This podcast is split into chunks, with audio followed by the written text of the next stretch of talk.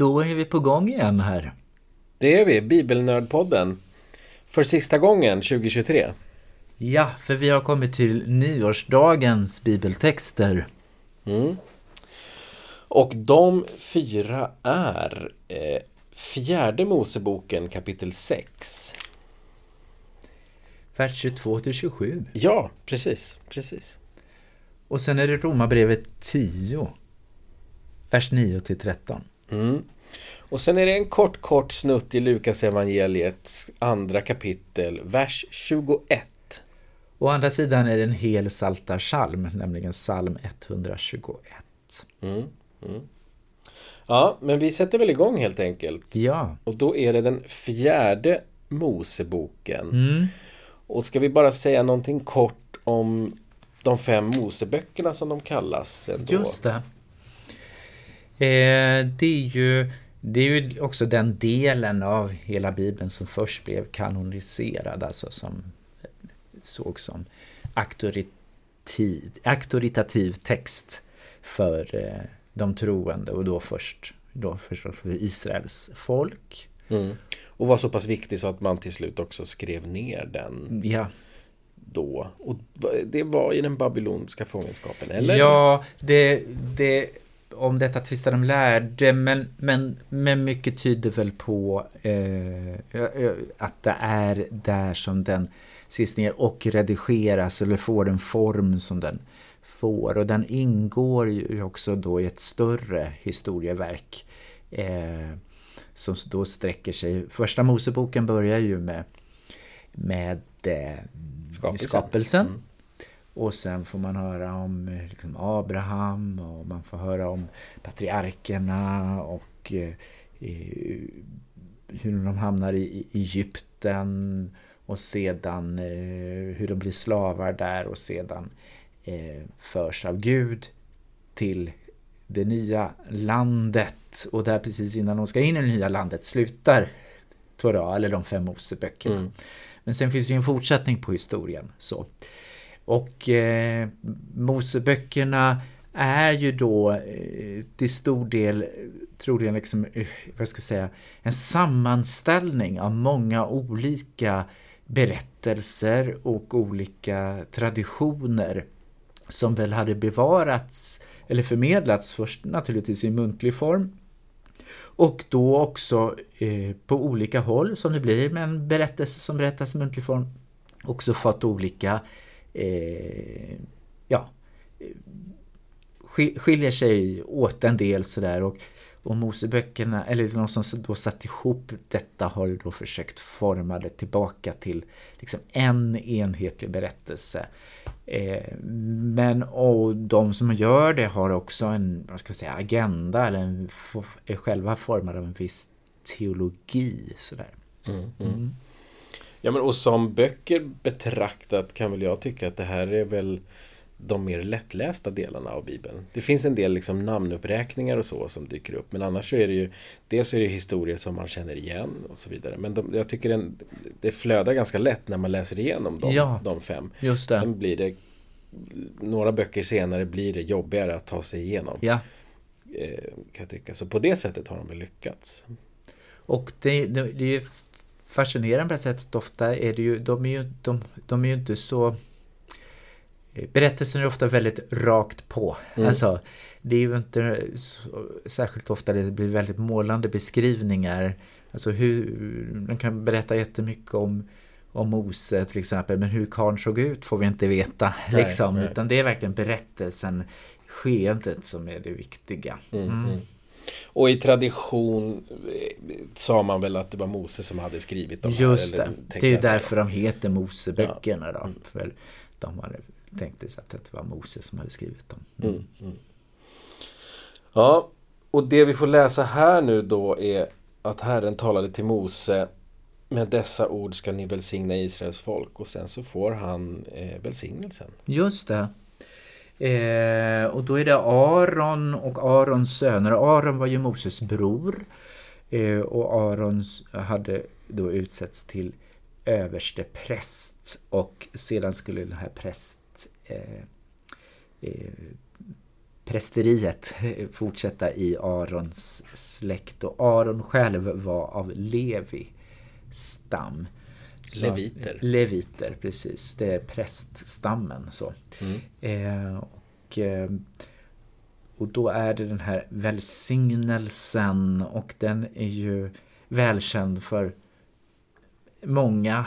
Om man går till gudstjänst någon gång så är det inte så ovanligt att, att gudstjänsten avslutas med den här välsignelsen som då brukar kallas för den aronitiska välsignelsen. Alltså mm. den välsignelse som Aron skulle välsigna Israel med. Eh, och då ska de uttala namnet över israeliterna och jag ska välsigna dem Alltså namnet, en del översättningar så att därmed läggs Guds heliga namn på israeliterna. Mm. Det här namnet som så småningom eh, blir så heligt så att det inte får uttalas. Så därför vet vi inte riktigt vad, vad Gud heter, alltså hur namnet ska uttalas. Vi har bara konsonanterna på namnet kvar mm. eftersom hebreiska är en konsonantskrift. Eh, man fick lägga till vokalerna själv när man till, läste. Ja, precis. Mm. Och då var det dessutom så att när man då läste så eh, bytte man ut, varje gång det stod det här gudsnamnet så bytte man ut det när man uttalar det med ett helt annat ord. Och det är det ordet som då betyder Herren. Så varje gång det står Herren, heter Adonai på hebreiska, då är det nästan alltid det här gudsnamnet som inte betyder Herren, det betyder någonting i stil med jag är eller det har med verbet vara att göra. Mm. Eh, så. Men, eh, och då har man i nästan alla fortsätter man även i moderna översättningar att ändå använda det här ordet Herren och mm. någon slags respekt för, för eh, hur, hur många uppfattar eh, Guds namnet. Så i stort sett var det i stort sett bara en gång om året då överste prästen på försoningsdagen eh, skulle, när han skulle välsigna folket så då använde han det riktiga namnet. Så. Mm. Och man kanske tänker, alltså det, det går ju att spekulera, va, alltså det finns olika tankar hur den här eh, välsignelsen har uppstått. Eh, en teori bland många är att den på något sätt skulle ha kunnat göra med månens faser att göra. Eh, att det liksom finns en förhistoria, alltså förisraelitisk historia till den här välsignelsen. Det här ansiktet som vänds eller börjar lysa över en. Mm, just det. Mm. Och anledningen till att vi har eh, tror jag, varför de har valt just den aronitiska välsignelsen på nyårsdagen. Att nyårsdagen är en dag som har förknippats med massa olika saker.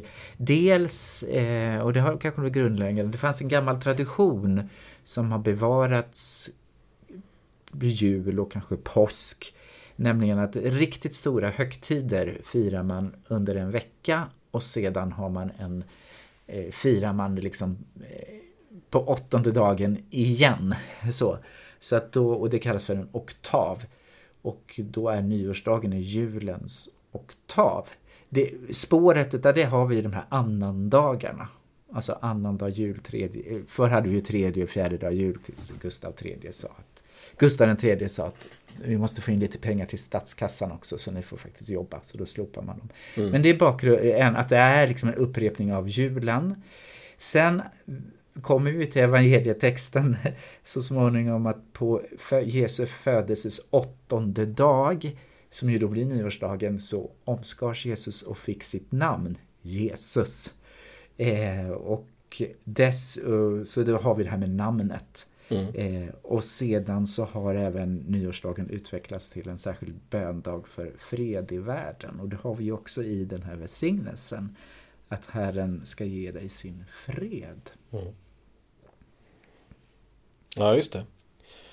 Och då har vi ju gått över lite i evangelietexten och det, vi tar mm. den tycker jag. Ja. Lukas evangeliet kapitel 2, vers 21.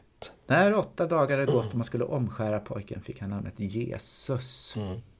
Och vi har ju pratat tidigare om att man inte firade födelsedagar så mycket. Men, men namnsdagar kanske var en större. Ja, just det. Precis. Och det var dessutom så här att eh, några, kanske decennierna, eller sekel tidigare, hade det framförallt hos de som var lite mer traditionalister, eh, kanske vi kan kalla dem för, alltså de som höll eh, ganska hårt på judiska traditioner eller vikt att bevara sin eh, historia och så, eh, började att, att liksom namnge sina barn med, bibel, med namn hämtade från Bibeln. Mm. Så det var på ett sätt, men så kan det ofta vara med traditionalister, det var ett relativt nytt bruk. Men det är ju ungefär som nu för tiden liksom att vi måste liksom, alla vet hur man ska fira Lucia enligt traditionen. Och hur gammal är den här traditionen med Lucia? Ja, det var väl någon veckotidning på 50-talet som eh, såg till att vi började fira. Så den har ju inte varför börja prata om Lucia? Nej, men jag menar så.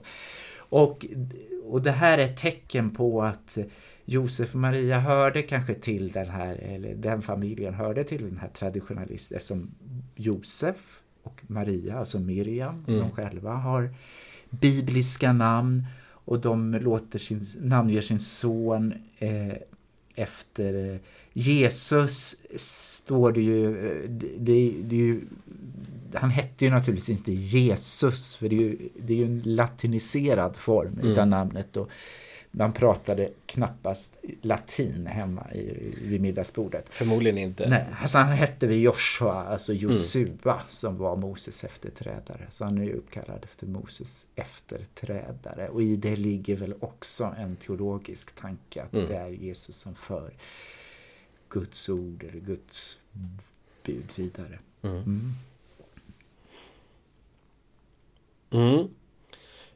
Och så har vi Romarbrevet kapitel 10. Ja.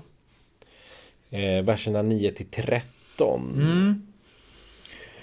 Och vi var ju inne på, vi läste ju ur Romarbrevet för några söndagar sedan, jag tror det var på julafton eller fjärde advent. Och det Mm. här är precis fortsättningen på det resonemanget. Det var ju där eh, Paulus citerade från Moseböckerna en text som egentligen handlar om Torah, alltså Guds bud, där Gud säger att mina bud är inte svåra att följa, de är inte långt borta från er, de är i er mun och i ert hjärta. Mm. Och nu fortsätter eh, Paulus här utlägga där, alltså om du med din mun bekänner att Jesus är Herren och i ditt hjärta tror att Gud har uppväckt honom från döda. Alltså han knyter till det här mun och hjärta. Mm. Och så knyter han också till namn, namnet eh, Jesus. Och, och jag tror inte man ska tänka sig att Paulus tänker sig egentligen att det är något liksom magiskt. För det första hette ju Jesus inte ens Jesus då, han hette Joshua. Mm. Men det är, eh, namn står ju också för eh, en persons identitet och personlighet och eh, djupaste, eh, vad ska jag säga, ja, identitet. Så det är Mm. det det handlar om. Och då drar Paulus till med en, text från Joels bok, en av profeterna eh, i Gamla Testamentet. Som handlar, den texten handlar om, om, om den sista dagen, Herrens dag. Men på den dagen då kommer Guds ande komma över Israeliterna och, och eh, fylla dem så att både liksom eh, oavsett klass och oavsett könstillhörighet eller så, så eh, kommer man eh, vara uppfylld av ande och den som åkallar Herrens namn, det är ju det här namnet som egentligen inte får uttalas, Mm. ska bli räddad. Men då tar ju, tar ju Paulus det och, och applicerar det på Jesus. Och utvecklar dessutom att det handlar inte bara om att det inte bara att det är oavsett om vilket kön eller klass, det är även oavsett eh, etnicitet, jude eller grek. Och grek här betyder hedning, icke-jude. Ja, alla andra. Alla andra. Eftersom att i stort sett hela världen var grekisk. Ja, Mm. precis. Mm. Ja, precis. Ja, men det får vi återigen prov på att han lobbar för. Mm, Alltså ja. att ehm, sprida den här sprida kristendomen vidare. ja. Mm. Och en psalm då? Psalm 121. Mm. Det verkar nästan vara som någon dialog där först. Jag ser upp emot bergen, varifrån ska jag få hjälp? Och då är det någon annan som svarar, hjälpen kommer från Herren mm. som gjort himmel och jord.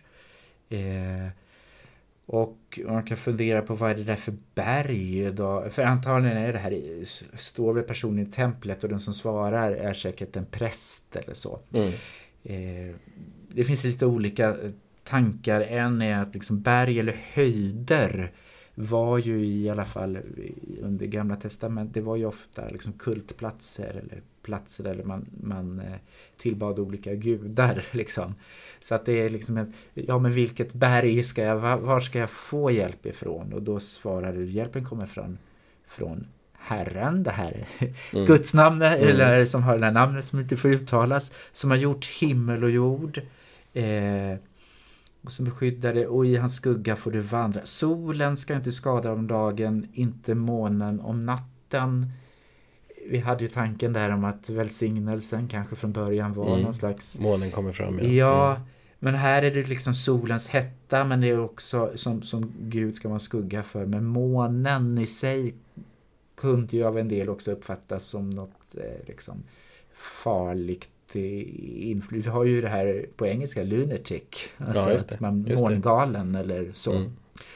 Eh, men, eh, så det är Guds beskydd mot det också. Då. Och så slutar den ju då med att han ska bevara dig i livets alla skiften. Och, och i den gamla översättningen står Herren ska bevara din ingång och din utgång. Kanske det egentligen handlar om att eh, både när du kom in här i templet och när du går härifrån så kommer Gud vara med dig. Men det, den har ju av tradition, den här saltarsalmen då knutits just till nyårsdagen. Alltså början, början och slutet, ja. ja. Mm. Mm. Mm. Där har vi den. Vi har Psalm den 121. Och så går vi in i ett nytt år här. Ja, fantastiskt, fantastiskt. Har du gett några, eller kommer du ge några nyårslöften, Jonte? Oj, det tror jag faktiskt inte. Det har jag nog vet inte om jag har gjort det på riktigt någon gång. Nej. Kanske ett sånt där när man var barn, att man inte skulle äta godis på ett helt år. Just det. Mm. Höll du det, det tror jag? Ja, det, moroten var ju att man skulle få tusen spänn mm, och sånt där. Precis. Ja. Det tror jag nog att jag ja. höll. Och du då? Nej, men jag är inte heller så mycket för nyårs Eh, löfte. Jag, jag vet, nyår är liksom... Det, jag tycker ofta att det också bara plupp, oj, det är ju nyår. Mm. Och vad ska du göra på nyår? Jag har aldrig liksom... Det har jag aldrig tänkt ut i förväg. Eh, och då brukar det inte bli så mycket heller, kan vi säga. Vi har precis slutat jul. Så ja, precis. Vi ja. Också. Ja. det blir mer kalenderstrul sen efteråt. Exakt, ska... precis. Mm. Mm. mm. Ja, men eh, det här var allt för det här avsnittet. Eh, nästa söndag är det 13 jul. Eller söndag, det kanske inte ens är en söndag. Men Nej, just nästa... det, det är en lördag tror jag va? Ja, ja. ja det borde det vara. Mm. Eh, men vi är tillbaka Apropå med... kalenderstrul. ja. Men vi kommer tillbaka i alla fall med ett avsnitt om 13 jul. Med full kraft. Mm, det gör vi. Ja. Tack.